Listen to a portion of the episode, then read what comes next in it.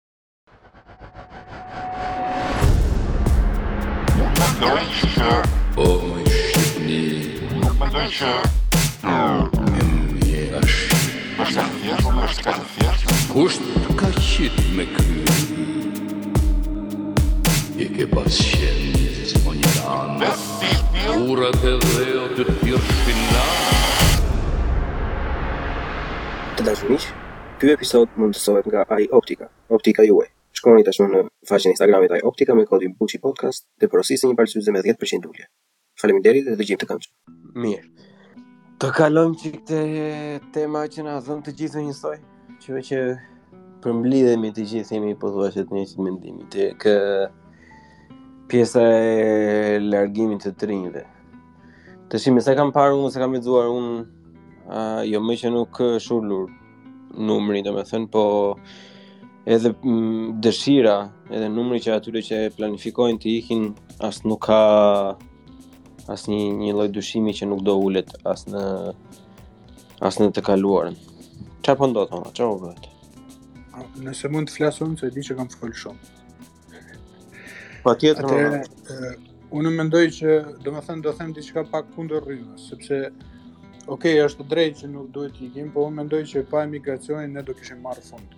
Mendohet të jenë një miliard remitancat në vit, dhe vetëm sa vijnë e rriten. Unë njoh personalisht edhe njerëz të mi, po edhe shokë, të cilët kanë emigru dhe kanë përmirësu në mënyrë të ndjeshme jetën. Dhe jo vetëm ata që kanë emigru në vende si Australia, ose Amerika, po edhe në Itali apo në Greqi. Dhe mjafton të shohësh Shqipërinë, të shohësh fjala vjen Lezhën në muajt e muajt e verës, se si mbushet plot me njerëz vetëm gjatë verës, dhe ti mendon po sikur këta njerëz të jetonin gjithë këtu. Çfarë bombe sociale do ishte dhe ku do punonin gjithë ata? Me 400-500 lek do punonin. Kështu që unë emigrimin në vetvete nuk e shoh gjë të keqe, sidomos, sidomos, nëse emigrimi integrohet me politika të thithjes së kapitalit. Domethënë, shqiptarët mos të investojnë vetëm për të ndërtu shpia, ose për të ble shpia në ato pallate që po ndërtohen në Tiranë, po të investojnë nëpër ndërmarrje, ose të paktën të ketë një farë fondi, të lëshojë obligacione, të lëshojë të blejnë aksione nëpër ndër, fabrika, nëpër ndërmarrje të reja prodhuese, nëpër uh, ku di unë start-upe, të marrin kredi ata që jetojnë në Shqipëri, dhe kjo të financohet nga paraja e atyre që jetojnë jashtë, të cilët edhe ata sigurisht do marrin interesin e vet dhe kanë një para të depozituar në Shqipëri që po të kthehen pas 20 vitesh e gjejnë aty. Kjo do ishte mënyra ime për t'i integruar ata ekonomikisht dhe e dyta duhet të integrohen politikisht. sepse supozohet ata të jenë më të emancipuar, supozohet ata nuk i kërcënon dot shteti për një vend pune. Dhe ok, jam dakord që një pjesë janë indiferentë, nuk duan t'ia dinë, po ata që nuk janë indiferentë, ata që merren me budallëqet e TikTokut ose që janë disi aktivë në rrjete sociale që i shohin, do ishte mirë të kishin të drejtën e votës, dhe do ishte mirë të mbështesnin lëvizje të reja që janë kundër sistemit dhe kundër mënyrës si funksionon gjërat në Shqipëri. Sa më shumë njerëz të dalin jashtë, aq më shumë duhet të kërkojnë që në vendin e tyre gjërat të funksionojnë ashtu si në vendet ku janë ata, ku punojnë dhe jetojnë ata, duke marrë gjërat më banale nga rradha që të respektojmë rradhën që është gjëja më minimale e deri pastaj tek mjekësia apo tek gjykatat apo tek gjitha të tjerat. E kuptoj që s'është e thjeshtë, por duke qenë se kemi kaq shumë emigrantë, duhet të kishin një influencë të madhe. Edhe e fundit që duhet të them është se kemi edhe një mungesë të madhe të patriotizmit në Shqipëri. Për shembull, po t'i krahasojmë me emigrantët kosovarë, ata kanë një patriotizëm shumë më të fuqishëm, edhe pse mund të jetojnë jashtë, prapë se prapë janë me kokën nga Kosova dhe prapë se prapë kanë eh, kontribu me dekada për ta zhvilluar Kosovën dhe për ta bënë një vend të denjë, një vend të lirë më së pari dhe një vend të denjë për të jetu më së dyti. Dhe shqiptarët do duhej të vlerësonin të veten. Do duhej të vlerësonin gjuhën shqipe, mos t'i mësojnë kalamajve që 4-5 vjeç, të mësojnë anglisht të jenë vetëm me perspektivën për t'ik, të vlerësojnë gjërat më bazike që nga Made in Albania, produktet shqiptare, produktet ushqimore, produktet ku di unë kozmetike se nuk e kemi kaq të pamundur ne për të prodhuar patatina ose për të prodhuar për të pas një industri agroushqimore, për të pas një industri, po themi, kimike, për të pas një industri farmaceutike, se janë gjëra që i kemi pas, janë gjëra që deri diku dhe i kemi, kështu që po e marr shembull Mrizin e Zanave. Mrizi i Zanave ka marrë përvojën italiane dhe e ka aplikuar në Shqipëri dhe i ka dhënë vlerë produkteve dhe kulturës shqiptare. Dhe nëse emigrantët e bëjnë këtë, nëse vetë shqiptarët që janë në Shqipëri e vlerësojnë veten e vlerësojnë prodhimin shqip, atëherë sigurisht që edhe ekonomia do rritet, sigurisht që edhe punësimi edhe mirëqenia për të gjithë do të rritet. Kaq kisha.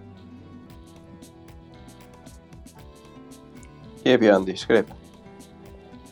Shiko, uh, çështja para nuk e di para 2-3 ditësh kishte te Daily Mail një shkrim që vetëm në 2022-shin deri tani në tetor janë futur rreth 12000 shqiptarë nga me me varka kështu në mënyrë ilegale, nuk po them në mënyrë të ligjshme emigracion të tjera, po vetëm në mënyrë ilegale, në ilegale me me gomone nga Kanali i La Manshit, edhe prej këtyre 10.000, 10.000 ishin vetëm meshkuj të cilët ishin beqarë, po, po aludonte shkrimi. Domethënë, këtu ka një pandemi shumë të madhe të dëshirës për t'u larguar nga vendi, edhe sidomos të rinjve dhe për të gjetur mundësi larg. Edhe këtu pa pa emigracionin dhe pa paratë e drogës, pa paratë le të themi kështu të të këtij dorës dytë inflacioni që bëjnë këta uh,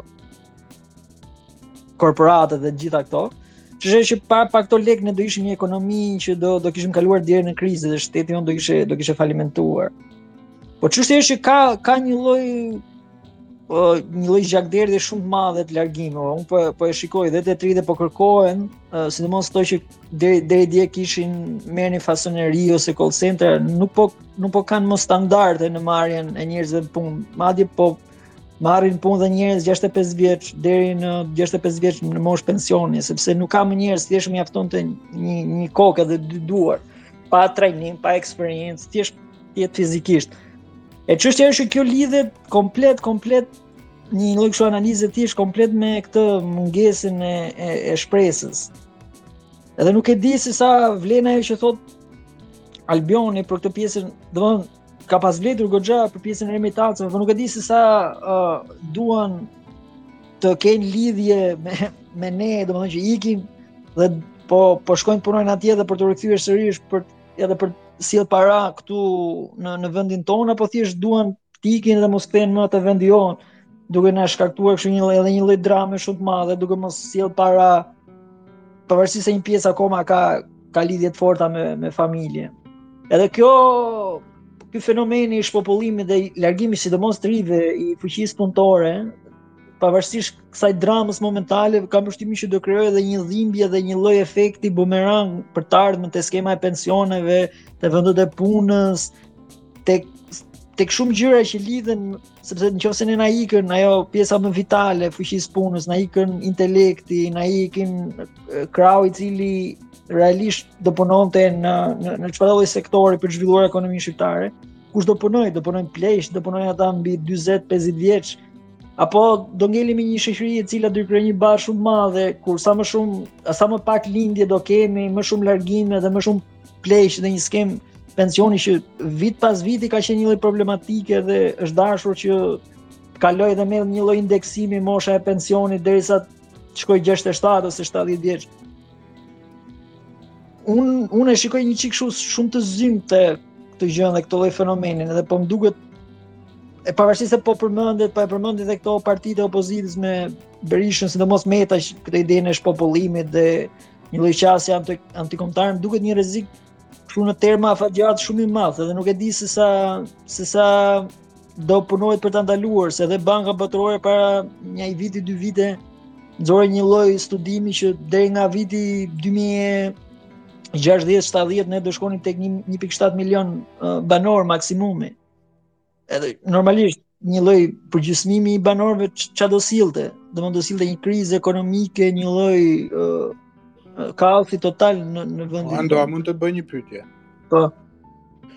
Ti po thua që po marrin 65 vjeçarë me punu nëpër fasoneri, nëpër call center, është shumë e vërtetë sepse po e, po shikoj edhe unë një lajmërim që thoshte janë 20000 vende të lira pune në fasoneri. Dhe kjo sigurisht duke pas ofertë të ulët, duhet të rritet rroga, duhet të ulet edhe papunësia. Tani unë një pyetje kam për ty. Si ka mundësi që në Shqipëri del të hanen në orën 10 të mëngjesit, del të marten në orën 3 të masdites dhe shef djem të rinj burra 25, 35, 45 vjeç tu pi kafe ose tu pi birrë. Në cilin vend të botës shef ti një burrë 35 vjeç në moshën ma produktive që shtrohet me birra ditë e martë në orën 3 mbas dite. Nuk po them darkë pas pune ose të shtunën ose të premten që në gjithë botën pinë, po gjatë ditës. Ulen aty nëpër shisha lounge edhe thith shisha ti sepse i erdh, a gjithë ditën. Si ka mundësi që ka dhe papunësi kaq të madhe edhe e, kërkesë kaq të madhe të biznesit për punë. Këtu ka një fenomen goxha interesant sepse kjo që the ti shumë e vërtetë biles këtu te lagjja ime për shembull është një një rrugë nja 100 metra e, e gjatë. Në këtë rrugë janë 10 lokale. 10, nuk po të gënjej, mund të jenë më shumë. Edhe të gjitha janë plot, kështu super fancy, super të investuar dhe vijnë këta të rinjtë, i ke çdo ditë pothuajse plot. Nga ana tjetër, shef që secili ka makinën e fundit, Bencin e fundit, uh, BMW-n e fundit, po super luksoze, kështu edhe qarkullojnë vërdallë në mos kur është... punë, vlla, ty atë del me pi në orën 3 mas dite, të rrish të shtrohesh me birra. Kjo, kjo është ideja, këtë dhe... Ne kemi një pjesë shumë të madhe të rinjve që as nuk studiojnë, as nuk punojnë, nuk e di se sa jo. ishin, 20%. Par, Kafe bare, lokale dhe të plota, mos flasim për universitetet private që janë pothuajse si kafe, po edhe, edhe auditorët bosh dhe kafetë e universiteteve bosh. Ku i shef ti, ku, si mund të ketë produktivitet një vend ku njerëzit rrinë më shumë kafe sesa në auditor, më shumë kafe se sa nuk e kuptoj këtë, se dhe jashtë punojnë njerëzit nga dy punë. Po të punojsh në Shqipëri nga dy punë, nuk po them 2 milion lek, po 1 milion lek i merr. Se edhe punëtori i ndërtimit një mijë lek e merr në Shqipëri, nuk ka, domethënë po të jesh mjeshtër më pak se 20000 lek ditë nuk merr. Tani është një paradoks shumë i madh.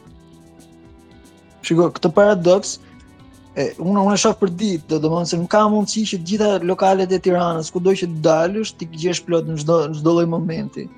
Është realisht sidomos këto lokalet fancy ose andej nga Blloku im vlla tani ka një vit diçka më pak se një vit në në Gjermani. Dhe sot po më thoshte që po dal, se është e vetmja ditë kur mund të dal pas pune.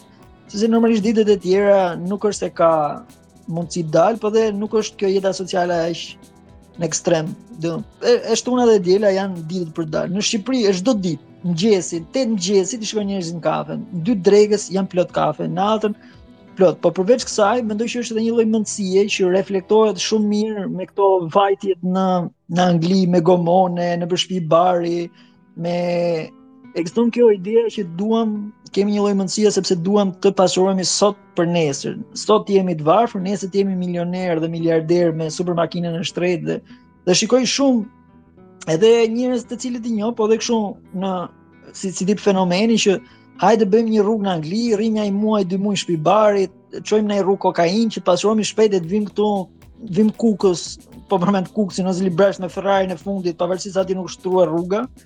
Ekziston kjo me me mendësia që të të të pasurohemi sot për nesër dhe pastaj të hapemi më fal për shprehjen të hapemi bythësh kështu bashkëkombasve dhe bashkëfshatarëve tanë. Dhe prandaj ekziston ky fenomeni sepse dakord qeveria nuk ka krijuar mundësi pune, nuk ekziston një treg, por sado nëse një person ë uh, do të punojë të ca punë disi modeste, mund t'i gjej disa punë, një pjesë e mirë e njerëzve, por nuk duan secili prej tyre, sidomos të rinjtë kështu u ka hyp një lloj pordhe e madhe që duan të jenë ose milioner, ose s'ka, nuk ka rrugë të mesme, nuk ka nuk mund të jetë rrogtar ai të punojë me me X lek, kjo është shprehje e famshme, nuk punoj me 300.000 lekë kamarier. Po, po.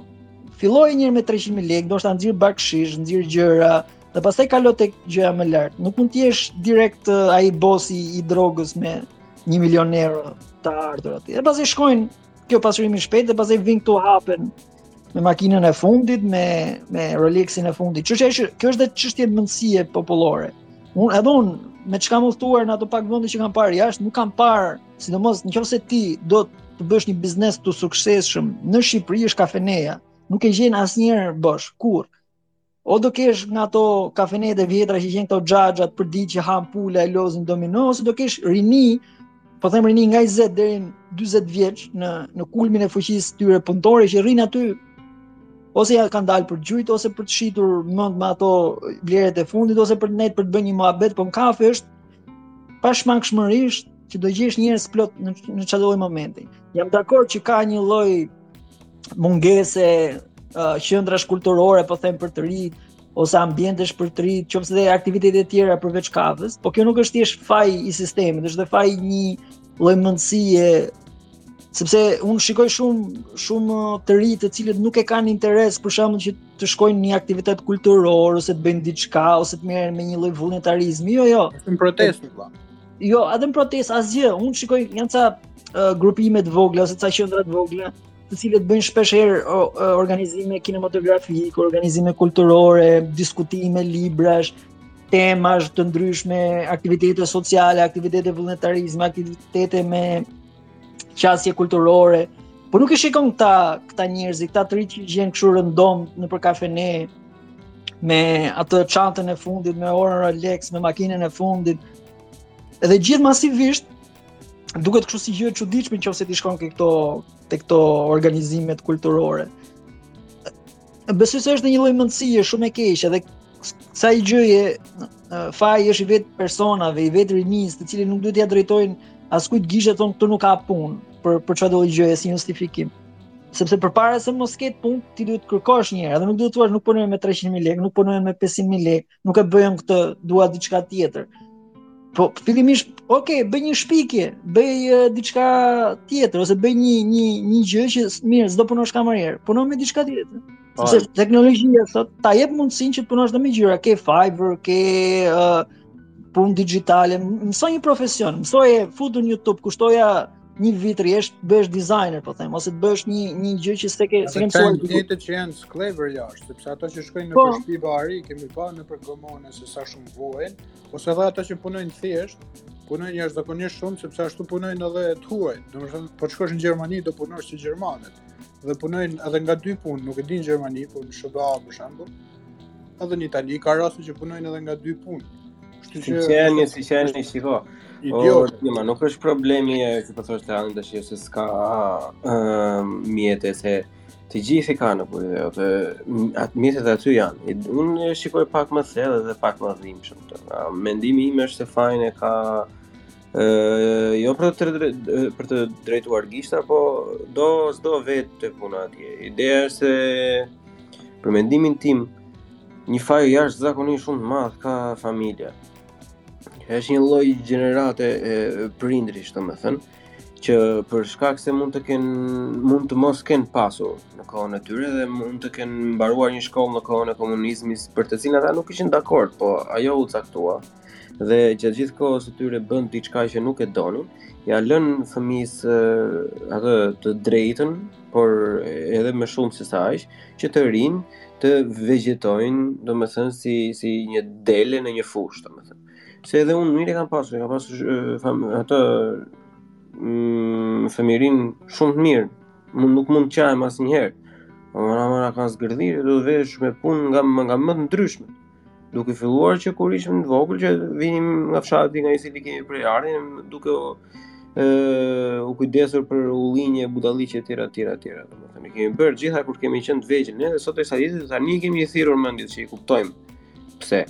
E kuptojmë tani se sa të mira kanë qenë, sepse tani për shembull unë jam në punën e disatë këtu, që u bëra 7-8 vite, e kam bërë shumë lloje punësh të ndryshme pa pasur asnjë lloj problemi, pa pasur problemin të zgjohem në mëngjes, pa pasur problemin të të kap diçka me dorë që unë s'e kam bërë përpara. Kur ka persona të tjerë që kanë qenë gjatë gjithë kohës, domethënë, ë shumë në rregull, kanë pasur edhe mbështetje financiare edhe kur kanë ardhur këtu 100% nga familja e tyre, domethënë. Dhe tani që kanë filluar punë, thotë nuk vete në punë, vete me vonesë, jo po si ta mirë, ja po s'bëra kështu. Domethënë, edhe Bërthama e të gjithë këtij problemi edhe ata tipat që jetojnë nëpër kafe, nëpër kështu, është familja që të rrit, në qoftë se edhe ata nuk do ta mbante më i ati në shtëpi dhe ta nxirrte nga shtëpia, e për t'i thënë që ti filan i dashur të paktën puno me një gjë, jo po s'punohet për 300.000 lekë. Po 300.000 lekë nuk është vetëm 300.000 lekë, ai 300.000 lekë, 300.000 lekë që është minimumi 450-500.000 lekë. Pse? Sepse atë kohën që Arbi po thoshte, dalim pimë kafe ose dalim pimë birra, Nuk do dalësh më, se do jesh deri në 4 në punë. Kështu që jo vetëm do bësh sa do pak lek, po edhe do kursosh, do kursesh ato lek që do i shpenzoje. Mund të shpenzosh diku në një vend tjetër, por asnjëherë nuk do shpenzosh në qoftë se do vegjetosh gjithë kohës. Edhe këtë llogari nuk e bëjnë. Unë mendoj fatkeqësisht, domethënë është vërtet shumë e dhimbshme për mua ta mendoj kështu, por është është krijuar një lloj kulture dembelash. Se dhe prindërit tanë nuk kanë pasur uh, mundësi, mbase nuk kanë pasur shkolla etj etj, kanë bërë punë nga më të ndryshmet. Mamaja ime më është me me me shumë sëmundje, me probleme fizike dhe akoma vazhdon sot e kësaj dite të punojë në fasoneri, për ato rroga subminimale që marrin ato. sepse është më mirë se sa mos të fitosh asnjë gjë. Unë nuk e kuptoj se nga ka dalë ky brez, domethënë. Mbase është një rënie në personalitet se nuk kam një teori. Kam një teori për këtë ndjesë ndërpres, domethënë ka të bëjë gjithë me modelin shoqëror të cilin u ofrohet. Se po ta shikosh dhe një lloj skaneri, nëse del në rrugë dhe i shikon kështu këta të rinjtë shqiptarë, ndoshta po kalon edhe nivel paragjykues, po dua ta ta bëj si një lloj analize kështu të vogël.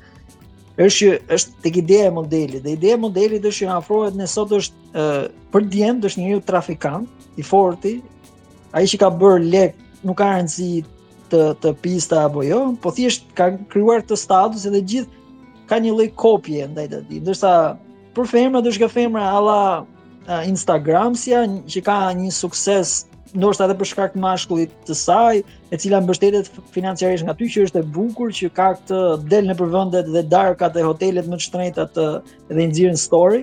Edhe unë i shikoj këto edhe në universitet.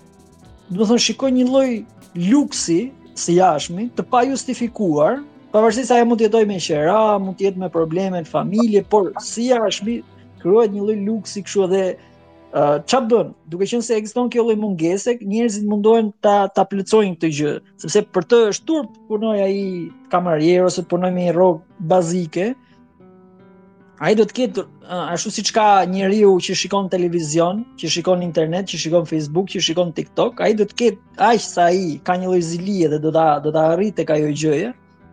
Ky, e sidomos ke kjo qasje e mashkullit, domethënë ka thënë ca gjëra interesante ky Jordan Peterson për për këtë gjënë ke kjo ideja e zilisë edhe e e kjo qasjes mashkullore që do të ketë këtë nivelin e heroit që do të jetë ky ai që t'i ketë e projekton një çik veten tek tek ai që shikon, e krijon si një një lloj shembulli. Po t'i shikosh gjithë te mënyra se si vishen, te mënyra se si sillen, tek ato gjëra që postojnë në rrjetet sociale, janë krijuar këto dy dy modele, po them kështu, më shumë pre, predominante, nuk po them që janë për gjithë të rinjtë.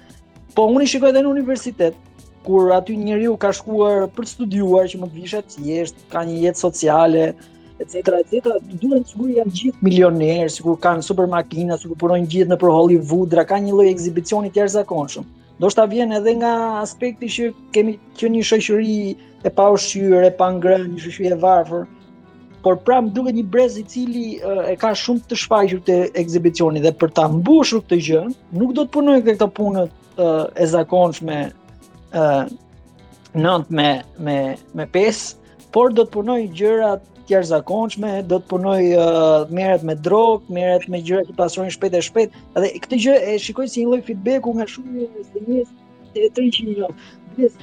Vlla që është në Gjermani i vogël, uh, është 20 vjeç e po thoshte që ndonjëherë është më mirë bosh i rrugë kështu kokainë, sesa të rrish të punosh shumë në një sistematike, të marrësh, okej, të marrësh mirë lek në Gjermani, por është më mirë ta bësh dhe vetë pastaj, edhe çfarë do bësh i thashë unë pas kësaj, po do vejë, do bëjë shëtitje. E, është kjo ideja e ngulitur në kokë që fiton një herë, një dorë të mirë dhe pastaj hajde shit më, hajde shit. Dhe unë shikoj një çik goxha të ngulitur te, tek rinia shqiptare këtë gjënë që Të jemi ekzibicionist, edhe të kemi këtë këtë pasurimin e shpejtë sipas këtyre modeleve, Noizyn e shesim si model, Stresin, ky i forti, ky që del në Instagram, ky që ka super pasuri, po nuk nuk nuk pash një shumicën e herëve një model një person që ky është i lexuar, ky ka krijuar këtë gjë është intelektual, nuk e nuk e pash një model që që ta ndjek një i ri shqiptar. Është fiks ky modeli që ndjekin më shumë. Dhe unë besoj prandaj i gjejmë kryesisht nëpër lokale, sesa nëpër nëpër qendra të tjera ku rinia realisht mund të jepte diçka nga vitaliteti i vet jetësor fizik, por edhe mendësor. Se unë nuk e shikoj që në lokale shumica e gjërave që diskutojnë janë gjërat e përditshmërisë, po nëse ti si njeri ke nevojë të diskutosh filozofi, art, muzikë, poezi, nga kjo anë duken shumë të varfër shqiptarët. Unë mendoj që është edhe mungesa e pritshmërisë, e pritshmërisë për ta plotësuar atë që po thoje ti Andi. Unë po shikoja një video të një turiste apo turist amerikan, nuk e di mirë tani, kishte shku në Elbasan, Edhe po thoshte që më pëlqen shumë kultura shqiptare sepse janë shumë social me njëri tjetrin dhe më pëlqen kjo kultura që kur ti shkon në kafe i shef aty dhe marrin në jetën avash avash, nuk janë në stres gjithë kohës dhe më pëlqen që në darkë dalin ata dhe shëtisin në rrugë. Në fillim dukej absurde sepse shëtisin vetëm një bulevard nga fillimi në fund, nuk është se shkonin në kinema apo diku. Ëh, Po pastaj fillova ta vlerësoj. Dhe unë duke e pa këtë video, po kujtoja fëmirinë time, ku ishte gjë e madhe që të dilnim edhe të, të shëtisnim në bulevard, në qendër të qytetit, bënim atë rrugën nja dhjetë herë para mbrapa, edhe aq kishim argëtim, shkonim në shtëpi, dhe kam dëgju histori të tilla në shumë qytete, edhe në Tiranë, thonë që ishte ajo xhiroja e madhe e bulevardit edhe çunat e bulevardit që uleshin aty, sepse kaq argëtim kishin në komunizm, nuk është se kishin ndonjë pritshmëri të madhe. Kështu që edhe të rinjt, nuk është se kanë ndonjë pritshmëri nga vetja që unë do shkoj, do jem produktiv, do hap një biznes timin, do kem super sukses. Modelet e suksesit nuk i kanë të tilla. Modelet e suksesit i kanë filan fisteku u bë drejtor, më falni, filan fisteku u mor me drogë, filan fisteku ku di unë doli në televizor u bë super i famshëm. Duan duan të bëhen të pasur shpejt dhe alternativat e tjera as nuk i llogarisin. Edhe ë për mua më tërbon nga një anë, sepse kam pa dhe një meme që thoshte ja si pinë kafe europianët, ja si pinë kafe amerikanët. Dhe kafja e europianëve ishte me karrige përjashta, kafja e amerikanëve ishte që shkonin me makina, merrnin ato kafet e Starbucksit dhe iknin.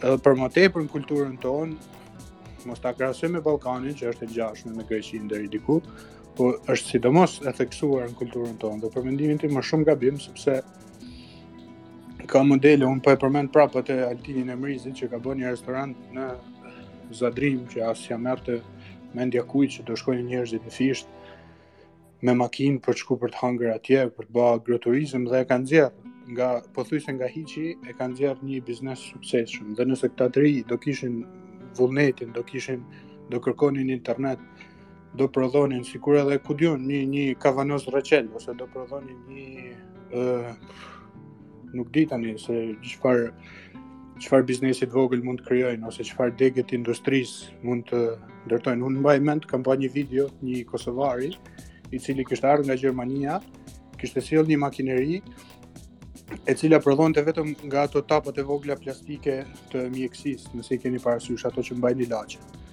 Vetëm atë prodhonte ai dhe atë ishte i aftë t'ia shiste uh, kompanive farmaceutike vendase, po edhe në eksport.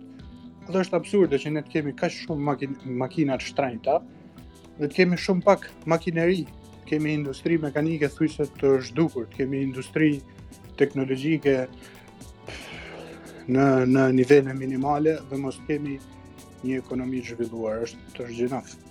Po unë mendoj se këto gjëra që të dy ju i përmendët e kanë uh, thelbin dhe pikënisjen aty, tek uh, ajo familje që ne e kemi ditur deri para ca kohës që ka qenë shumë e shëndetshme kudo, që është një fasadë në fakt e pavërtetë se vërtet e përmend janë, domethënë që janë këto shembujt në social media, apo reperë, apo drogmena etj etj etj. Po më mëse këto shumë i kemi parë dhe ne, por unë jam ai ai brezi që kur kam qenë në klasë 5, Noizy nuk kishte dalë akoma, e kupton, është ai brezi që i kemi përjetuar të gjitha këto. Po si unë, si 50-60 shqiptarë këtu në Berlin që njoh unë apo dhe shumë shokë që kam akoma në Shqipëri, domethënë, nuk u bë njeri ashtu vallai. se ata e kanë pasur një lloj modeli tjetër, e kanë e kanë ditur që nuk nuk është e vërtetë ajo, që nuk është aq e thjeshtë. Ka vajtur puna që një pjesë e madhe nuk e vlerëson punën, nuk e vlerëson njeriun që punon, nuk e nuk e beson që mund të arrish diçka në qoftë se punon fort, nuk po e beson më njeri, se s'ka vërtet në Shqipëri.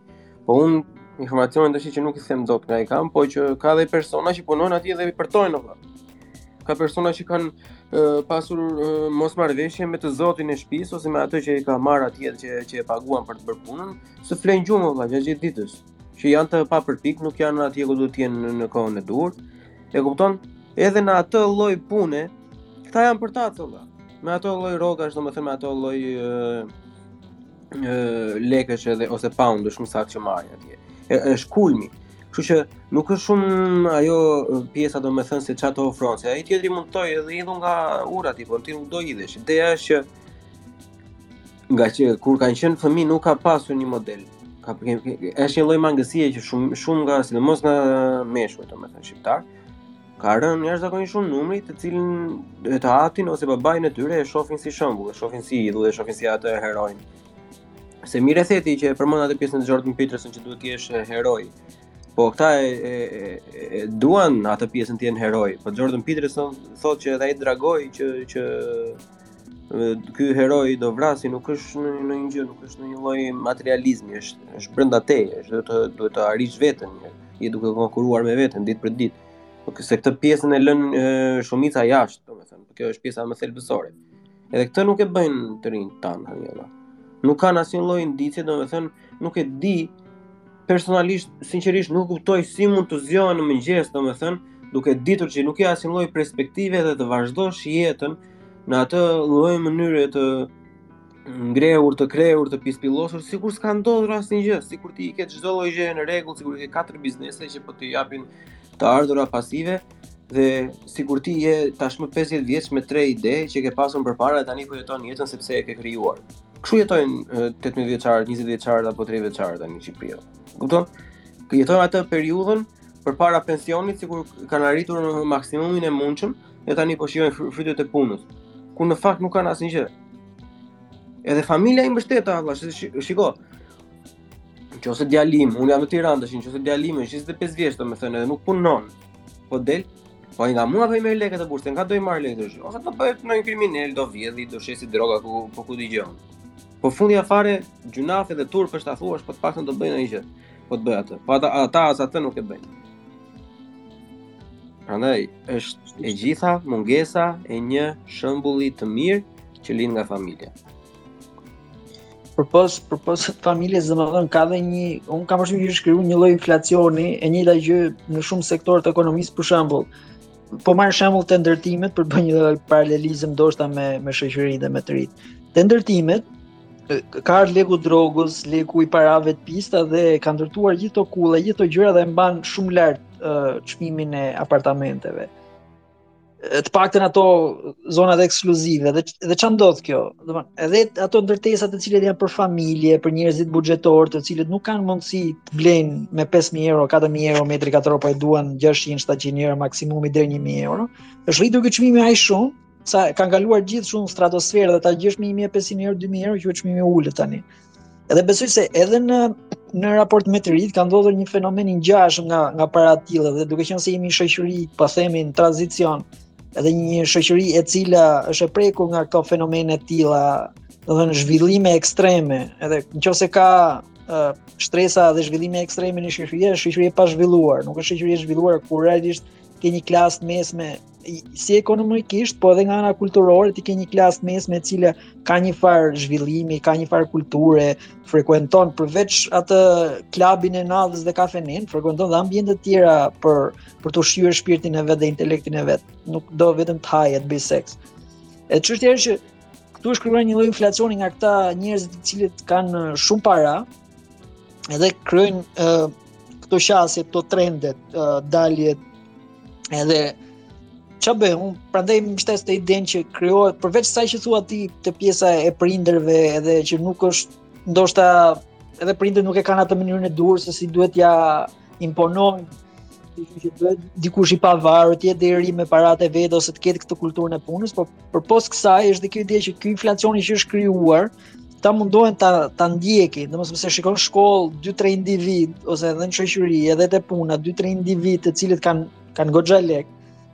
Edhe krijojnë një lloj një lloj modeli, një një, një lloj aksesi edhe një lloj qasje që për këta për duket sikur për këta është jeta shumë e lehtë. Normalisht është shumë e lehtë sepse para ndoshta burimet e tyre të parave janë të ato ose ka shumë që shumica që domethënë se në Shqipëri ka babi prokuror, ka babi deputet, ka babi gjykatës, e ka babi që merret me X gjë, me ndërtime, me gjëra të tilla dhe ka shumë para. Dhe ti kur e shikon, krijohet një lloj krijohet një lloj fenomeni që një pjesë e të rinjve duan të jenë si ky, duan të kenë të njëjtat facilitete, duan Duan pse mos jem dhe unë sot me makinë, ky ka shumë zbret me helikopter, e hedh e hedh në story. Dhe krijohet një lloj një lloj zilie dhe nuk e dim duhet Aristoteli e ka thënë që që varfëria është baza e revoltës dhe krimit. Domethënë, ose krijon revolucion ose krijon krim.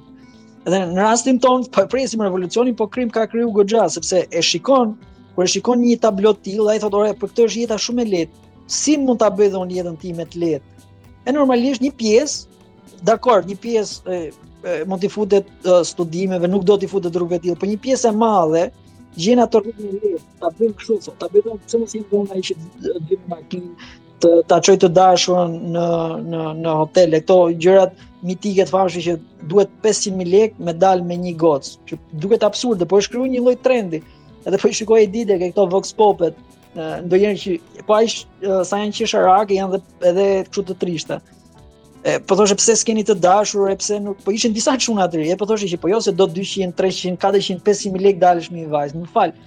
Ë nuk po del në darkë me Jeff Bezos edhe po e nxjerr kështu që s'ka dalë ndër. Nuk e kuptoj pse nga ka lindur një lloj mendësie Që ka një lloj kërkese kaq të madhe thjesht për të dalë me një vajzë. Mund të dalësh edhe në një park, do por nuk ekziston, por ne është turp për të riun shqiptar, për një pjesë po flas, nuk po flas për secilin, sepse ka edhe të rinj e goca e çuna shumë të bukur e të mirë shqiptarë. Por po them që ekziston një lloj turpi edhe një lloj kërkese shumë e madhe që për daljen ti duhet të jesh duhet të kesh kaq lekë, duhet të jesh ekzibicionist, duhet t'ia përmbushësh nevojat, ta çosh me makinë këtu, ta bësh këtë, të marrësh shishet e lokalit, t'i tregosh shoqërisë, t'i tregosh asaj ose atij, t'i tregosh se ti ke para, mund të kesh para dhe besoj se nevoja që për ta për të arritur këtë lloj statusi social si ekonomik, po dhe një lloj statusi social duke e ka bërë që një pjesë e të rinjve shqiptarë të gjejnë mënyra pasurimi uh, sa më të shpejta që nesër të jenë këta ata personat ai ai robi që ka babain e pasur që s'ka punuar si asnjë ditë për për lekët e, e, e veta, ia ka marrë babait, ia ka marrë xhaxhait, ia ka marrë mamasë, e thjesht mburret me to. Edhe më duket sikur po shih rrushin e, e, e do të piqet. Edhe ideja është që po kopjojnë njëri-tjetrin tek një, një pjesë e individëve të rinj. Se unë shikoj, domethënë vetëm kur dal rrjen kështu një lloj studimi me veten kështu vetjak që kop një lloj uh, qasje dhe dhe kopjimi te veshjet, te mënyra e sjelljes, duken sikur gjithë jetojnë në një realitet super pasunar. Uh, gati edhe kështu nga ato lagjet e Hollywoodit, secili kështu kush ka gjë në fund. Dhe unë dua të shikoj edhe të ri të thjesht, të ri që merr më shumë me me me, me gjëra kulturore, me proteste, me aktivizëm social, me gjëra vullnetare, me politikë, jo me parti, po me politikë, sepse edhe edhe ata që e zënë politikën e kemi parasysh ça ça po i frymëzon. Do shkojmë një al, do marrim një vend pune nga kjo, do bëhemi të pasur, do kemi mundësi. E duhet të shikojmë njerëz të tillë, çuna çuna dhe goca të bukura ndonjëherë që nuk kanë vesh. Fillon konspiracioni pastaj, e ka bë filani, apo jo po, ka çu po, fisteku. Po, e ka bë. Po unë për shembull, në nuk e di a ka ndodhur apo do ndodh këtë të mërkurë, për shembull te bunkeri, që e kanë ca çuna dhe goca të lezetshëm, po bëhet një tip panairi kështu i rrobave të përdora, të që unë dhe ti mund të shkëmbejmë rrobe me njëri tjetrin, që nuk i përdorim, por që nuk do i blejmë me njëri tjetrin. Ty të pëlqen diçka e imja, mua më pëlqen diçka e jotja. Atë është kështu që s'kemi pse të blejmë rrobe super luksoze, por nëse ke diçka që s'e do më, ma jep mua nëse më pëlqen dhe më jap diçka tjetër. Bëhet kështu si tip open fair. Edhe e shikoj që po shikoj që janë trende që shumë pak veta i, i, i përqafojnë. Kurse pjesa më e madhe do shkoj aty thotë, "Ha, ke bler diçka te Zara, ke bler këtë firmatën, ke bler këtë bluzën." E kishte vesh kjo, e pash te Instagram dua ta pasoj se në fund të fundit. Edhe kur shikon pastaj gjithë një pasarele e madhe, veshjesh, trukesh, shikon vajza ora 2 e drekës aty te te Xhamlliku për shembull, ku afër ku jet, ku jetoj unë, është një ëmbëltore Tito e ka, e shet byrek, ulesh shikon vajza super të kuruara, super të veshura, sikur po shkojnë në një studio televizive ose po shkojnë po bëjnë një sfilat mode. Ndërkohë që unë do doja të shikoja një rini një disi më të thjesht në veshje, po më të komplikuar në kokë, gjë që nuk e shikoj se pastaj te muhabetet janë komplet out. Po sepse komplikimi në veshje është më i thjeshtë për të arritur se sa komplikimi në kokë, për të veshur ti një gjysmë ore do, e kupton? I hape Instagramin edhe pe këto se ça kanë veshur këto, thjesht i gjen në një mënyrë apo në një tjetër, shumica atyre Ali Baba budalliqe ça janë porositi. Edhe opa i vë ato dhe të, të duket sikur fasada është e gjitha ajo, e cila do të mbajë ty domethënë. Kurse për të bërë komplikimin në kokë, e sa pun do ajo, sa vuajtje do e gjitha. Nuk është aq e thjeshtë. Po shiko, Është një lloj pacipe, do më thënë, kështu që ata çuna që thonë që femrat duhet lek për dalë me femra kanë të drejtë, por edhe nuk kanë të drejtë. Di pse kanë të drejtë? Kanë të drejtë sepse është një uh, stad ose është një grup mjaftueshëm i i zëshëm në social media, do më thënë që e tregojnë që duan dalë date se ka dhe youtuber shqiptarë, po dalim date e ikim tu, ikim atje, shpenzojmë kaq lek, shpenzojmë kaq lek. si të kalosh, e ke vështirë ato meme që do lënë sa kosti të shpenzosh 2000 euro në Milano apo diçka, këto idiotësira, domethënë. Tani normalisht këto nuk janë një një pjesë e madhe. Aspak, këto janë pjesë e vogël. Por kjo pjesa e vogël është shumë e zëshme. Jashtëzakonisht shumë e zëshme, saqë duket sikur është mainstream, duket sikur është shumica e njerëzve dhe çfarë bëjnë? Një mashkull i pa me pa eksperiencë edhe edhe i pasigurt e thotë që Epo ja, po shofim ne kjo goca që kisha unë fiksim do të jetë gjithashtu do të bëj këtë do të bëj atë domethënë. Edhe e gjen e gjen komfort te ka pjesa që thotë që oh po mua më duhen lek. Sepse deri tani më atij nuk i ka dalë një rast, domethënë se nuk e ka parë vetë me sytë e tij që të funksionojë një rast tjetër që janë njofur kanë qenë të dy trok ose njëri i mirë tjetri i keq edhe janë janë kanë ecur me njëri tjetrin, kanë ngritur njëri tjetrin dhe kanë ndihmuar njëri tjetrin të zhvillohen. Nuk e kanë parë këtë, sepse këta persona janë shumë të zënë duke punuar. Këta persona janë shumë të zënë duke ndërtuar njëri tjetrin dhe familjen e tyre.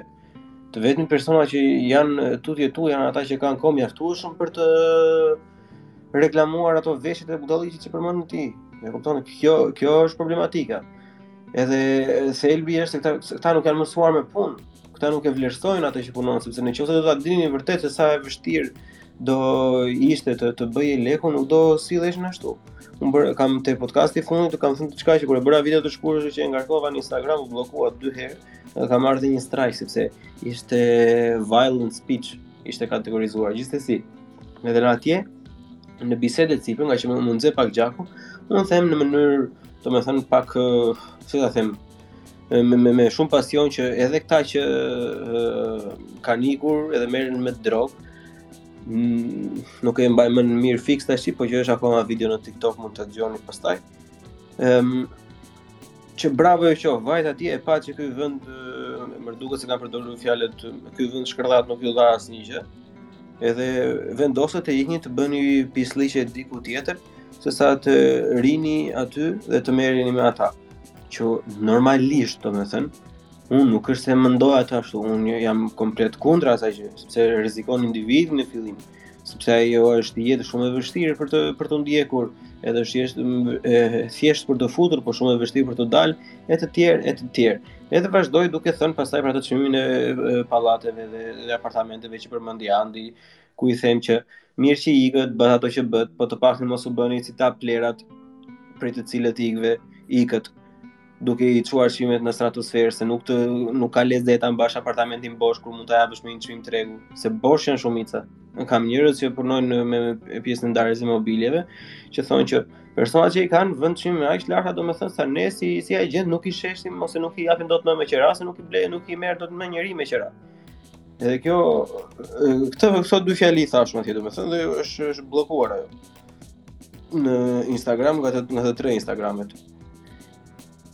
Nuk e vlerësojnë ata që rrinë nëpër kafe, as ata që ka shkuar në Angli në shtëpi bari, as ata nuk e vlerësojnë se e di që oh vajti ia hodhi jetës, por nuk e din se çfarë heqin ata, edhe me si, me me çfarë frike jetojnë, edhe edhe në çfarë kushtesh psikologjike duhet të bëjnë të gjithë punën e tyre, ajo punë që i sjell atyre aq shumë lek.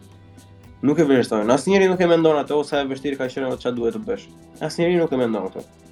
Unë kam vënë re vetë tani që po i afrohem fundit, që kam vetëm 2-3 gjëra të vogla për të dorëzuar, edhe që jam njëkohësisht në punë, edhe kam më ka kam bërë një dy foto që kam postuar, shumica më shkruajnë njerëzit o bravo çoftja ia hodhe ja të gjitha e tjera dhe asnjëherë nuk ka thënë asnjëri që ore çfarë bëre, çfarë ndodhi, nuk e di asnjëri se çfarë kam hequr unë domethënë për të arritur deri këtu ku jam. Pavarësisht se akoma s'kam arritur asnjë gjë të madhe, domethënë, po nuk e vlerëson njeri më punën. Kjo kjo është problematikë shumë e madhe dhe unë mendoj që është shumë herë më e thjeshtë që familja ta ta kapë këtë të t'i vërë lakun që sa është brumë fëmija i vogël e të tregojë që puna është diçka ose jo, jo puna siç thoshin pleqtë tanë që punon se po punove e mirë domethënë po ideja është të bësh diçka të jesh produktiv të jesh më i mirë se sa ishe dje Po ta kapë familja që kur je fëmijë është më e thjeshtë se sa ne të tre tashti tani të të, të diskutojmë të bëjmë llap llap llap dhe thonë ata e kanë terezi dhe ia fusin trapit kot. Ai tjetri po vjen me 4 BMW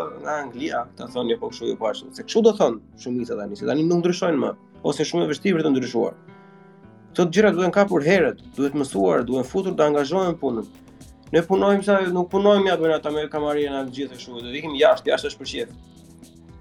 Kalamajt e suksesshëm që janë këtu që kam unë shokë e shoqe, ata që kanë ecur mirë edhe me studime, por edhe në punë janë kalamaj që kanë punuar që 10 vjet, që që shpërndanin gazeta ku di unë a u i budallallëqe ndryshme.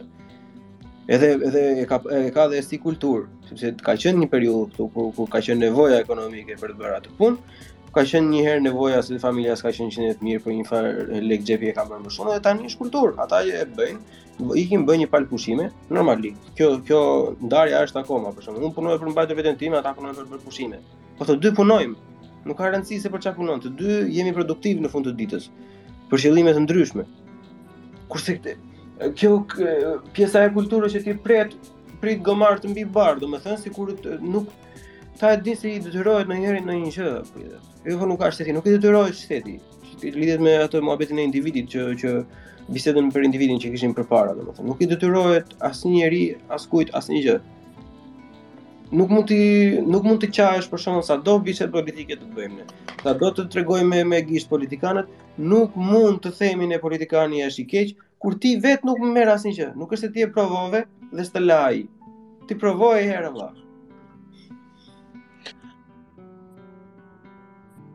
Po, Albi, mund të vazhdosh.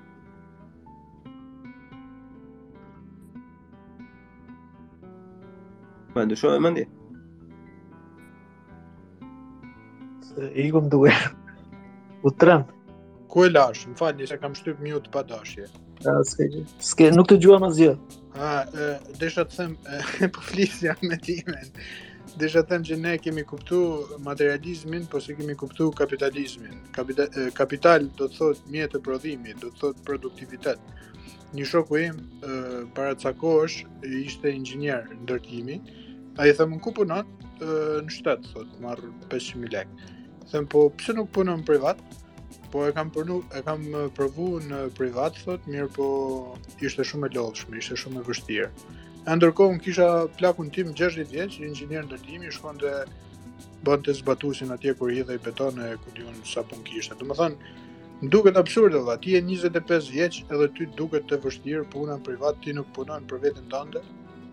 Më ka thënë plaku im, ne kemi punuar në komunizëm për shtetin, për Enver Hoxhën, për fëmijët e Enver Hoxhës, që dilin ata jashtë shtetit. Sikur të kishim punuar për veten tonë, do ishim të pasur sot. Ne tani në kapitalizëm nuk po nuk po them që është fushë me lule, po i kanë mundësitë që të punojnë, i kanë mundësitë edhe që të emigrojnë, i kanë mundësitë edhe në Shqipëri të punojnë me një call center ose Nuk e di, të përpiqen të marrin një diplomë, të studiojnë tamam, se edhe në Shqipëri shikon njerëzit që kanë studiu tamam në shkollë dhe njerëz që kanë shkuar në shkollë kot sa për sa për të marrë ato provime. Dhe ata që kanë studiu tamam arrin të bësh një debat me ta, ndaç politik, ndaç ekonomik, ndaç për fushat e ekspertizës që i kanë.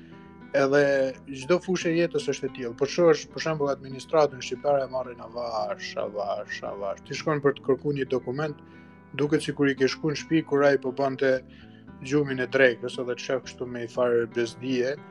Edhe po nuk e ushqeve me lek, po nuk i dhe naj rryshfet as bëhet fjalë që të ketë i farë nxitimi tek vetvetja. Dhe e kemi gjithë si shoqëri këtë që e kemi avash, nuk kemi i farë nxitimi, i farë tempi dhe ndoshta na ka lënë turku, nuk e di, po turqit janë shumë punëtorë sot. Turqit sot prodhojnë nga rrobat e deri tek dronët dhe avionat. Unë mbaj mend kur kanë pas ardh turqit që punonin bënin rrugën e kombit, ankoshin turqit që shqiptari nuk punon. Thoshte unë që jam inxhinier, se ata vinin inxhinierë, vinin specialista.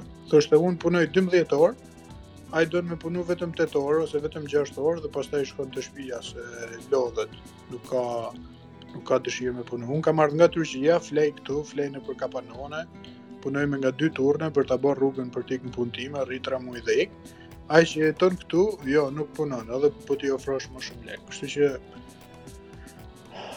nuk e di, nuk po them që shteti nuk ka faj, sepse edhe shteti ka promovu modelet e gabuara, ka promovu vetëm hajdutat dhe njerëzit parazit, po dhe edhe njerëzit vetë, sidomos unë kam kritikën me rininë një herë, moshën mbi 25 vjeç, du të kenë shumë më shumë iniciativë, shumë më shumë kërkesë llogarie, dhe shumë më shumë produktivitet në çfarëdolloj fushe, ndaç në fushën e artit, ndaç të jenë aktivista politikë, ndaç të jenë biznesmena, t'i hyjnë biznesit, ndaç të jenë profesionista në fushën e vet, po të jenë kërkus për fushën e vet, edhe të jenë të kërkojnë gjithmonë nga vetja. Sot sot i ke librat gjithë online vlla, sot prindërit tanë e kishin vështirë të informoheshin, edhe të informoheshin për një temë. Ju thoshte televizori kjo është kështu dhe e besonin, nuk e, e, e kuptonin botën sipas atyre librave, romaneve Victor Hugo Të mjerët. Ndërsa tani ke informacion për çfarëdolloj gjëje, nga kinematografia deri tek ku di un fizika nukleare, mund t'i gjesh në PDF.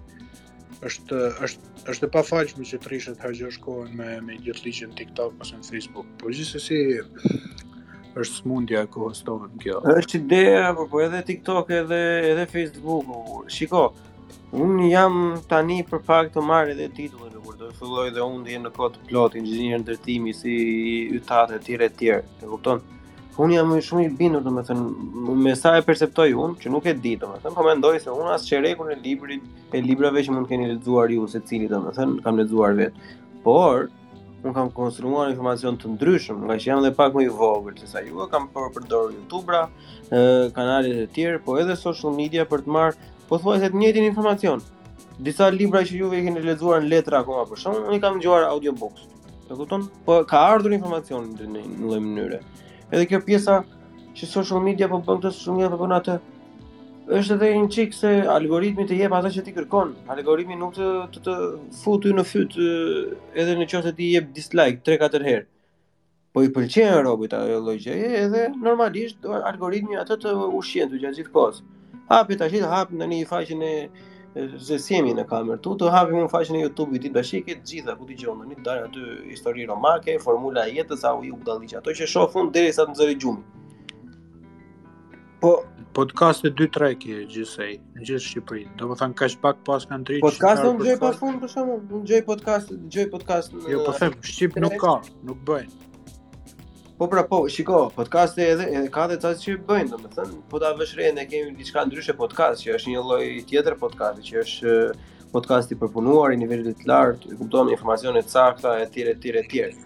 Edhe ka mbështetje më të vogël vllai. E kupton se ne jemi skeptër. Ke ata që dalin që bëjnë TikTok që shajnë njëri-tjetrin edhe uuu i shkatërrojnë numrat fare, qarkullojnë me mijëra me mijëra euro, domethënë, kurse një podcast që bën një një temë, domethënë, më ndryshe, as as një like ose as një share nuk ta jep robi. Edhe vetë i vesh robi tani, që kam pasur eksperiencë personale, Edhe nga rrethi i miqve, domethënë, kur bëhen tema si rinia apo një monolog, një gjë që më dhemb mua, domethënë që diskutojmë ne bashkë tre etj etj etj, i vjen turp vëlla, nuk e shpërndajnë. Jo më tani, domethënë të japin ndonjë lloj mbështetje tjetër. Kurse në qoftë se janë dy persona që po shahen live me njëri-tjetrin, ajo xhiro do bëjë një lloj shpërndarje do bëjë xhiron e gjithë grupit shoqëror brenda sekondash. Ajo ato gjëra i shpërndan, se është komforti personal që është ah sa shih këta budallenjtë, shyqyr që s'jemi si këta, hajde qeshim me këta. Nuk i nuk i nuk i jemi të hapur ndaj asaj pjesës që ore dale vëlla. Ja është, ça është ky informacion i ri. Di unë si ta interpretoj këtë, ça mund të bëj me këtë? A, sa i lidhur kam qenë me këtë informacion? A është i saktë apo është i gabuar? Qoftë se është i saktë, sa gabim kam qenë unë? Si mund ta ndryshoj? Pse duhet ta ndryshoj? Etj etj. Kështu unë kam pasur këtë lloj unë tani më duket vetja si psikopat ndonjëherë. Unë shikoj unë kam tre podcaste e, anglisht, një gjermanisht, kam një, kam filluar një italisht dhe kam filluar, kam harruar italishten dhe po dëgjoj një podcast për të përmirësuar gjuhën. Po unë gjithë kohës kështu mendoj, dale, çfarë tha ky? Ktheje prap mbrapsht. deri sa ta kuptosh. Nuk ka më tani, tani është vetëm ajo qeshja e kohës, domethënë e gjitha. Këtë këtë kjo pjesa pra, se përpiqesh ti për me përmirësu veten gjithë kohës dhe nuk të mjafton që po studion për për përpiqesh me ba një podcast me gjuhë të huja, ndërsa boti është aty 25 vjeç, 30 vjeç vetëm ulet aty pin birrë dhe nuk ka kurrfarë kritike ndaj vetvetes, nuk përpiqet me përmirësu vetveten, nuk përpiqet me përmirësu realitetin ku jeton në shoqëri, të informohet, të kuptojë, ku po jetoj, ça po ndodh, ça është e padrejtë, ça është e drejtë, vetëm ky ka lek, fishte ku po të ulesh në kafe shqiptare, ti mendon se këtu po bëhet biznesi i dynjasë, jo po 50000 euro, jo po 100000 euro, makina e këtij, ajo ta merr mendja se këta janë gjithë biznesmenë. Ndërkohë kam pas lexu një uh, artikull që thoshte ky brezi Generation Z këta po investojnë thoshte në bursë sepse ka qenë ajo ajo mania e Bitcoinit që ishte një farë periudhe dhe m'u duk interesante sepse thoja këta janë kalamaj janë 20 vjeça dhe kanë fillu janë fut nëpër futen në bursë informohen për ekonominë investojnë disi Ndërsa ne në Shqipëri edhe po të kemi lek nëpër duar, mendojmë vetëm të, të shpenzojmë kot me pseudo luks, dhe kur vjen puna, produ, produktiviteti, produkti zero, ose do ndërtojmë shpia, po ajo shpia nuk të sjell lek ty, është diçka që vetëm konsumon nga ti, bëj diçka produktive, bëj diçka që zgjat në kohë. Nuk e di se ndoshta po bëhem kritik secili e di jetën e vet si e mendon, por që M'duket pak paradoksale. Po politikë do të jemi edhe po shpopullohet Shqipëria, edhe edhe njerëzit vetëm rrin kot është është absurde, nuk shef as në Itali, as në Amerikë, as askund që të rrin njerëzit në kafe gjatë gjithë ditës. Vetëm vende të pazhvilluara ose në vendet e botës tretë dhe ok, papunësi, po s'do punojnë gjithë drejtora, futu call center, do të fillosh me 400-500 mijë lek, mund të arrish me 600-700 mijë tani. s'është shumë e mirë, po ajo është rroga mesatare e lartë në Shqipëri. Edhe kamarierat 500.000 lek bën një banakier në Shqipëri. Për një person pa shkollë nuk janë pak. Po nuk janë zero, po, fake, po, nuk janë zero. Fake pozitivitet, por të paktën nuk po shpenzon lek kot, të paktën nuk po rrin me pi birra. Gjithsesi nuk e di. Unë shikoj pozitive të them të drejtën, sepse të shohim ku ka qenë Shqipëria me rroga 150.000 lekëshe, edhe ku ka arrit sot ku një i ri unë dëgjoj histori të rinjve që marrin 1 milion lek duke punu në call center ose i marrin në mënyra të ndryshme, kështu që nuk e shoh kaq të zezë, edhe mendoj se Shqipëria është një vend në zhvillim, një vend që po të ketë rritje ekonomike 4%, 5% mund të të dyfishojë të ardhurat për 10-15 vjet. Edhe kjo nuk ndodh në vendet e mëdhaja, për shembull Italia ka rritje ekonomike 0.5%, nuk është se Sot, ata kanë dyfishin e të ardhurave që kishin në vitin 2000. Ndërsa Shqipëria sot në 2020-ën, në krasim me vitin 2000, ka të ardhura rrogat janë dyfishuar, edhe po shohësh zhvillimin është i jashtëzakonshëm, për shembull njerëzit e huaj që vinë në Shqipëri sot, krasim me ata që kanë ardhë në vitet 90, thonë, wow, ka ndryshu, nuk është se jemi dembela, domethënë dalim në emigracion, përpiqemi dhe vendi ndryshon avash avash, po jo me ritmin që Ne si rini shpresojmë dhe pritshmëritë tona shpesh gënjehen nga nga mangësit dhe nga mentaliteti, s'po them katunar, se edhe unë jam në origjin gjyshit nga fshati, po një mentalitet shumë primitiv i disa njerëzve që ne na ka mbajt na ka mbajt mbrapa. Gjithsesi unë mendoj se do zhvillohet Shqipëria, s'ka nga shkon, ka hap negociatat për në BE, është një vend është një vend zhvillim, do ështa fëmijët tanë do ta shohin vend zhvilluar, por e, e, për, e, domethënë, ajo që ne duhet i japim shoqërisë, kontributi ynë duhet jetë që ta bëjmë gjithmonë e më të mirë, jo më të keqe, jo ta çojmë drejt regresit, drejt budallëkut, drejt kriminalitetit. Të përpiqemi ditë pas dite që të jetë një vend më i mirë edhe të arrijmë disa fitore të vogla që mos të kthehemi mbrapsht, që mas 10 vjetësh mos themi që jo po s'ka ndryshuar asgjë, ose jemi më keq se ku ishim, ose të, të jemi prapë me personalitete si Sali Berisha, Ilir Meta, Edi Rama, të ecim përpara, kjo është ideja ime. Po, dakord, prandaj ne jemi këtu dhe po i diskutojmë këto që po diskutojmë tani se të gjithë ne në mënyrë aktive o pasive po mundohemi që të bëjmë një lloj kritike, pa e pasur hundën përpjetë, po duke treguar disa alternativa të ndryshme, domethënë se si mund të ecim përpara, se që Është më mirë, nuk diskutohet. Do të ishim shumë hipokritë që të thoshim jo, jemi më keq se sa jemi. Jo. Jemi pa frikë fare në në periudhën më të mirë që ka qenë Shqipëria ndonjëherë. A është kjo e mjaftueshme? Aspak, se ka probleme rrejnësore, domethënë, por prap nuk mund të jemi aq ë si ai kali me ato pallaskat te sytë që nuk shef asnjë gjë tjetër se ça ndodh vërdallë, domethënë edhe i bie fyllit në të njëjtën vrimë. Nuk po them për atë, aspak.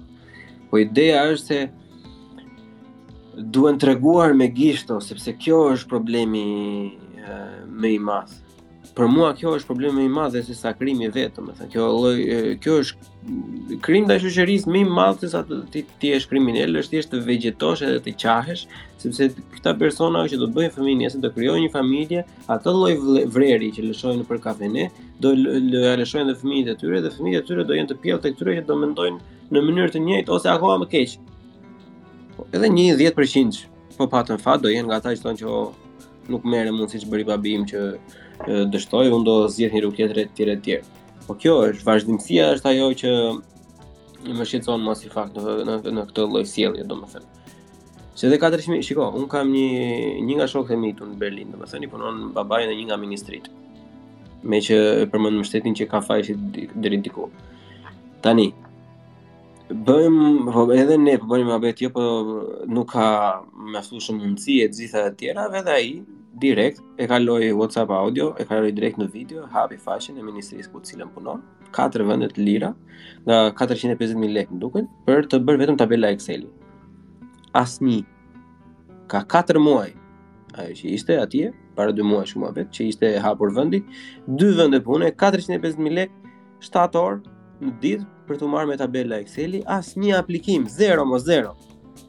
edhe njerëz që u munduam ne për një 2-3 javë, pastaj i thoshim që ore ti do një punë ik atje, e ke punë për çfarë do ikësh në zyrë, do je zotni burrë. Këtë departamentin e njohim, nuk do të bjerë as në qafë, thjesht do bësh punën tënde në shtëpi. Jo, nuk e bëjmë. 450.000 lekë punë të punoj unë 8 orë për 450.000 lekë e bën. E kupton? Ky është një lloj paradoksi Ti xhepat bosh dhe bishtin përpjetë, apo. Po ik vlla merri 450.000 lekë sot. Bëj 4 muaj, bëj 5 muaj, ku di unë? Do kesh në CV, e ke, e ke, do e kesh në CV. Ma mirë të të thonë. Ke në CV, në fund fare ke punuar për ministrinë, apo. Ke punuar në shtet, ke punuar për ministrinë. Do vesh në një privat, nesër pasnesër të bësh një diçka. Jo, po janë pagat e ulta. Dale, vlla, pagat e ulta, po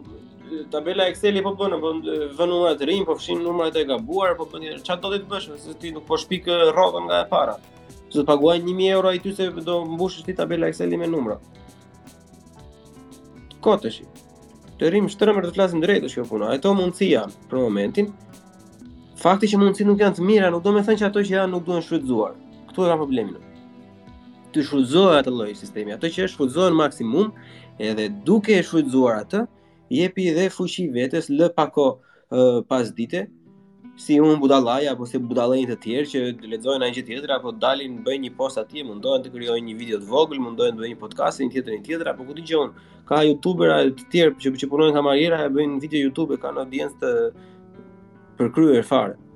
Edhe nuk qahen aq shumë.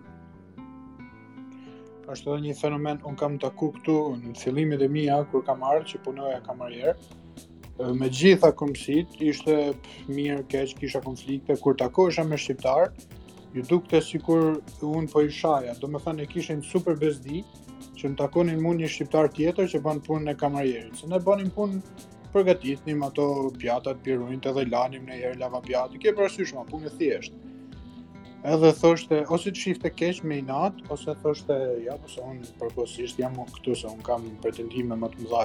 Tash normal, edhe un kisha pretendime më të mëdha se po bëja shkollë. Po kisha nevojë për një punë. Pse duhet me t'ardh zor ty që po punon një punë thjesht ose më saktë pse nuk vjen zor kur punon me kombësi të tjera dhe të vjen zor kur takon shqiptarin, se kur takon shqiptarin ke frikë se ai t'ul t'ul hundën ty, po shkosh në Shqipëri, a t'thotë e ky kamarier ka punuar. Kështu që Duhet ta ulim pak këtë të ashtuquajturën pordhë dhe të punojmë punë të thjeshta dhe ë të jemi më produktivë. Edhe nuk e di, mos të kërkojmë gjithçka sot për nesër.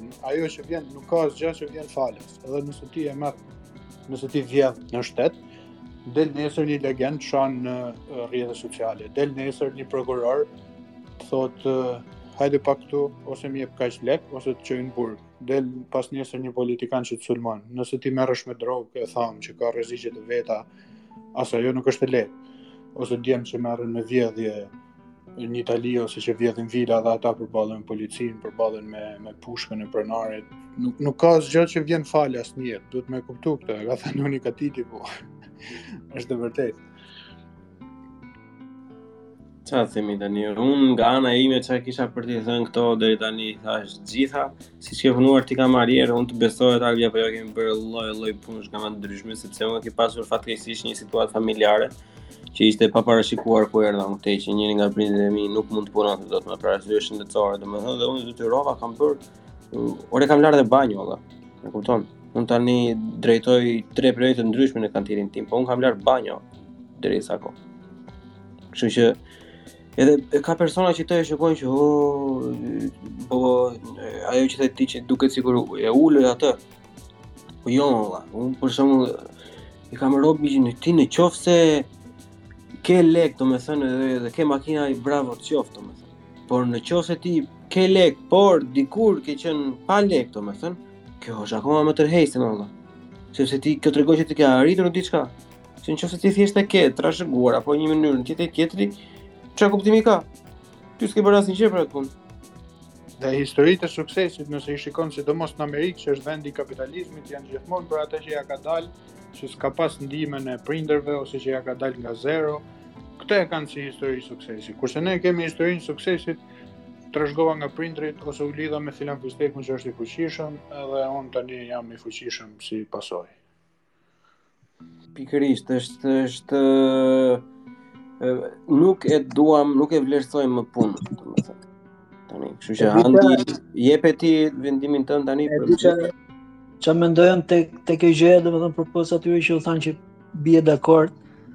Është e, Tolkien i thotë një gjë shumë shumë interesante, domethënë nuk ka asgjë të keqe te jeta e thjeshtë dhe e ndershme.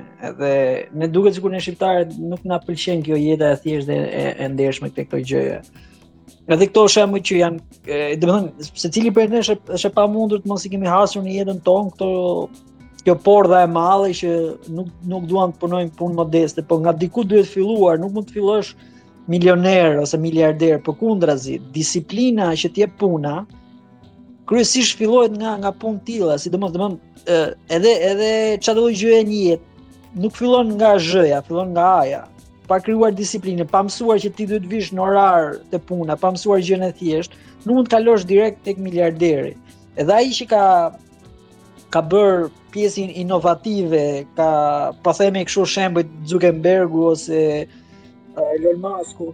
Prapë duhet janë marrë me pjesët e rëndomta dhe pastaj kanë bërë një shpikje ose një gjë, një diçka inovatore ose uh, Steve Jobs që i ka dhënë përfitime. Po asnjë nga ne nuk është Steve Jobs apo Elon Musk ka persona të tillë. Por ama dhe ata siç e kanë filluar ata, çdo gjë duhet filluar nga aja, duhet filluar nga një gjë që e nuk është turp, të punosh një punë modeste. Përkundrazi, është një gjë që të jep e para që duhet ndihet krenar njeriu, ka një lloj po themi nga adoleshenca që del nga nga kufijtë e adoleshencës, se dikur shoqërit shoqëritë klasike kishin një lloj edukimi dhe një lloj iniciacioni për meshkujt, sidomos për meshkujt, para se ta quanin burrë, se nuk ne ne sot kalojmë në burrëri pa pa një lloj procesi, pa një lloj iniciacioni, pa një lloj provimi, po themi, iniciacioni është një lloj provimi shoqëror, edhe jemi burra, pavarësisht se shikon 25-30 vjeçar që s'janë burra. Që s'ka që nuk kalon te një lloj prove dhe iniciacioni dhe pastaj futet në shoqëri. Dhe një iniciacion modern po themi, është aftësia për të jetuar i mëvetësishëm me ekonominë tënde, për sepse nuk është thjesht çështja që po fiton paratë e tua, por ti ke fituar një lloj mëvetësie edhe psikologjike nga prindri, nga prindi, nga babai, sidomos nga figura e babait dhe ke krijuar një lloj je, je, je futur si individ në shoqëri. Edhe fakti që ti nuk do ta krijosh këtë, po e do kështu të dhuruar ose do disa miliona dollarësh, nuk e do për shkak të përpjekjes, për shkak të disiplinës, për shkak të gjitha këtyre gjërave të vogla e të përditshme që nesër pas nesër japin një produkt si psikologjik edhe ekonomik, duket pak e trishtë te te të rinjtë shqiptar që e, e refuzojnë këtë lloj gjëje. Po e them dhe një, nuk ka asgjë të keqe të punosh ë uh, ta fillosh me punë edhe të rëndomta me punë të thjeshta edhe me me me pak, sepse është është mënyra se si ë uh, çdo gjë mësohet, çdo gjë kalitet. Që nuk mund të fillosh ti uh, në një kompani CEO direkt duhet të fillosh një herë pastruesi ndoshta ai që shërben kafet, ai që siç e the ti plotëson ato numra te Exceli. Dhe pastaj të kalosh tek tek pjesa tek pjesa tjetër. Por edhe një gjë që doja të shtoja është që rinisë shqiptare më duket i mungon një lloj, ndoshta kjo edhe për shkak të edukimit mbarëshoqëror, edhe mënyrës se si ne i qasemi gjërave dhe edhe universitetit tonë që nuk prodhon gjëra, po mendoj se të, të riut shqiptar i mungon një çik kjo uh, vitaliteti mendor, vitaliteti i rinisë që do ta do ta hajë jetën me dhëmbë në shumë aspekte, do të mësojë, do të studiojë, do të mësojë gjëra të reja. Dhe e tham të tre besoj se e prekim si gjë. Ora ke YouTube-in, sot ke programin internet, Twitter, shumë gjëra në të cilat informacioni vetëm kush është budalla nuk e nuk e rrok. Ke librari të tëra libra që mund t'i shkarkosh me një klik. Deri dje ose deri pardje nuk kishe mundësi të lexoje një libër fizik. Sot i ke çdo lloj libri, çdo lloj leksioni, nga më zhvillimet më më avangard. Bëju subscribe 10 vetave, 15 vetave në YouTube që të pëlqejnë për X kanal. Domethënë unë për shembull dizajnin e kam mësuar përmes tutorialeve në YouTube. Nuk kam bërë as shkollë asgjë. Po është shumë e thjeshtë, po duhet një lloj konsistence, një lloj uh, një lloj disipline aty që sot informacioni, libra, gjërat i ke gjitha gjitha gjitha aty. Edhe problemi është që unë shikoj që këtu mungon ky lloj vitaliteti për për për shumë gjëra, që do mësojë gjëra të reja, do të shikojë gjëra të reja dhe që ta mbushë atë botën e vet të brendshme me kulturë, me art, të hapë diapazonin, siç ti bën një podcast, dikush bën një, nuk e di, bën një ekip futbolli me çunat e lagjes, mësoni diçka tjetër ose të diskutoni për diçka. Dhe ajo që u përmend pak më para pse kanë sukses uh, këto avionët në në TikTok me e, ose këto budalliqet, sepse kjo reflekton dhe nuk kanë sukses podcastet që kanë një diskutim disi më ndryshe. Sepse kjo reflekton mendësinë kolektive të të riut shqiptar, i cili do llogjen sepse nuk ka ça të prodhojë, një një njeri që nuk ka marrë, nuk ka mësuar, nuk ka parë diku, nuk ka studiuar, nuk ka ça të japë, dhe ajo që e vetmja gjë që jep është këto avionë, diskutimet për puthjen, budalliqe e Big Brotherit, kafja e sotme ku do e ham drekën, ku do e ham darkën. Edhe lokale dhe të gjitha prandaj janë të mbushura me këto, sepse edhe po t'i dëgjosh si biseda, nuk është se diskutohet për, domethënë diskutimet janë o diskutime budalliqe, vaksina, gjeopolitika, se çfarë bën Putini, se çfarë bën Illuminati dhe se si njerëzit nën tokë sundojnë botën, dhe dalin nga këto lizards ose me gjëra banale komplet dhe nuk gjon kështu diskutime mbi art, mbi kulturë, mbi filma, mbi podcast, mbi zhvillim shoqëror, mbi debat politik, mbi një fenomen që ka ndodhur edhe në shoqërinë shqiptare ose edhe edhe në botë ose të ndjekësh njerëz të cilët uh, kanë një kulturë më të madhe, gjithë këto yjet e, e ose profesor, po themi, varet nga nga pëlqyeshmëria që që do. Po janë bërë një lloj një lloj trendi i gjithë. Derdhemi në kafe, duhet të jemi gjithë pasur, por nëse ti shkon dhe shikon këto çunat edhe gocat e pasura, të bukura, të showbiz dhe gjithë, edhe kam pasur fatin e mirë dhe fatin e keq që disa prej tyre të janë kështu nga afër. Është problemi që janë bosh së brendshmi. Realisht bosh nuk ke të diskutosh një ide se kur thotë ndonjëherë un ti mund të shkosh me atë femrën që ke fiksim ose me atë mashkullin që ke fiksim, po pas seksit dhe hëngre atë ushqimin e shtrenjtë, duhet bërë dhe pak muhabet, hey vajz ose djal, llafosu pak me njëri tjetrin të të zbuloj botën. Më bëj pak interesante edhe nga ana mendore, domethënë sepse unë nuk jam ulur ti. Po kam, o Andis, nuk të besohet për po, zot. Pra. Që mos që se që mos të bëhet edhe një echo chamber, domethënë se e, po i po përmend këto pjesa ku thua ti që duhet të bësh pak muhabet. Ideja është se tani janë ndarë në dikastere, po. Tani është bërë në shtrat të kam ty, në mendje kam dikë po, tjetër. Po, po, po, po, po, është kjo është e trisht sepse un un për shembull ti varet kë kë do të tërheqësh si individ. Sepse un nuk dua të tërheq një individ i cili do të do të rrim, dua të rrim individ ose dua të bëj muhabet me individ i cili është bosh nga ky aspekt. Edhe po ta them kështu troç kështu edhe në mënyrë pa batuta. Është shumë e lehtë të kapësh kapësh vajza ose djem dhe me biçikletë. Nuk është asgjë, thjesht mjafton të dish se si mënyrën e drejtë e qasjes, interesohesh për personin. Qoftë se ti do copën e mishit tek personi tjetër dhe e, makina është ajo leverage ose ai mjeti me cilin do ta kapësh, normalisht ti atë do marrësh copën e mishit. Por në qoftë se do personin, do të flasësh me personin, do të komunikosh me personin, edhe nuk shikon njerëz që, hajde dalim, Domethënë i shikon sa më parë, gjithë nëpër lokale të shtrenjta në majë të tarracës kësaj, në hotelin kësaj, nuk shikon një nuk kanë pra sepse nuk kanë bagazh që ta ofrojnë. Po pra, po. Po që që, që edhe mos e zgjasim shumë çështjen domethënë, se po na u zgjat shumë kjo nuk e shkarkoj dot më po kaloi tre orë, po 3 orë pse. Unë një gjë të vogël kisha për të shtuar si përfundim. gjë që ka thënë Joe Rogan tek njëri nga podcastet, jetojmë në periudhën më të vështirë që ka ekzistuar ndonjëherë të jesh ignorant. Është shumë e vështirë në këtë kohë ku jetojmë ne të jesh ignorant. Shumë e vërtetë. Çdo, ndonjë gjë tjetër të vogël për të shtuar kemi? Sa sa kohë ka ngel? Ëh, uh, un, okay, të lëmë pak hapësirë. Un shiko, mund të vazhdojmë dhe me një temë tjetër pastaj, po këtë duhet ta mbyllim për diku te 7 minuta. Një minutë, një minutë desha të them vetëm për atë që tha Andi, jam shumë dakord që se u tha dhe më përpara që thonë Andi dalësh për kafe duhen 200-300 mijë lekë të shpenzosh. Tani nëse ti shikon vetëm ato pjeshkat e Instagramit, ato që gjithë kohës merren me pamjen e jashtme, ato që reklamojnë rroba të shtrenjta, sigurisht që ato duan lek, sepse ato tërheqin meshkuj të tjerë, të palestruar, meshkuj me lek, meshkuj me makina të shtrenjta, por ka vajza plot që janë vajza të thjeshta, vajza të lexuara, vajza që duan jetën e thjeshtë, vajza që duan një djalë të sinqertë, tamam. Nëse ti varet se çfarë po kërkon në jetë, Nëse ti kërkon gjithmonë dhe nëse gjithë meshkujt sulen drejt të njëjtave pjeshka, sigurisht që duhet t'i paguash. Nëse zgjedh femra më të thjeshta, sigurisht që nuk duhet t'i paguash. Madje ka dhe femra të cilat në podcast në biseda të tjera në Space i kam dëgjuar që i mbanin ato me lek, meshkujt që ishin që ishin të lidhur, ishin lidhje bashkë. Kështu që jetës i merr atë çfarë i kërkon. Nëse shkurt për të se është temë e gjatë kjo e marrëdhënieve. Dua dua të them një batutë fundi për të që më ma kujtoi Albioni që një batutë të gjyshes time e thot shumë të lezetshme se ti je pjeshkë Instagrami, ofron kështu un dua 3-4000 euro për të më mirëmbajtur uh, si të dashur, po thotë një gjë shumë të lezetshme gjyshja ime thotë që Tani, ë uh, që të jesh e tillë, duhet të ofrosh dhe diçka në shkëmbim përveç trupit, domethënë se uh, se po po tregohem dhe çik seksist, që po të gjitha pothuajse në anatomi është e njëjta gjë trupi me ndryshime të vogla. Edhe gjyshja ime thot, atë mikun ose duhet ta kesh me xixa, ose duhet të bëjë flakë, kështu se nuk justifikohet oferta e madhe që po të jepet. Edhe në këtë rast, në qoftë se, në qoftë se vjen vetëm fizikisht, do ta kesh me xixa realisht, do të shkëmbejë xixa kur bëjmë seks, se nuk ka justifikim tjetër. Shumë e kërë Perfekte për t'u mbyllur kjo, pa.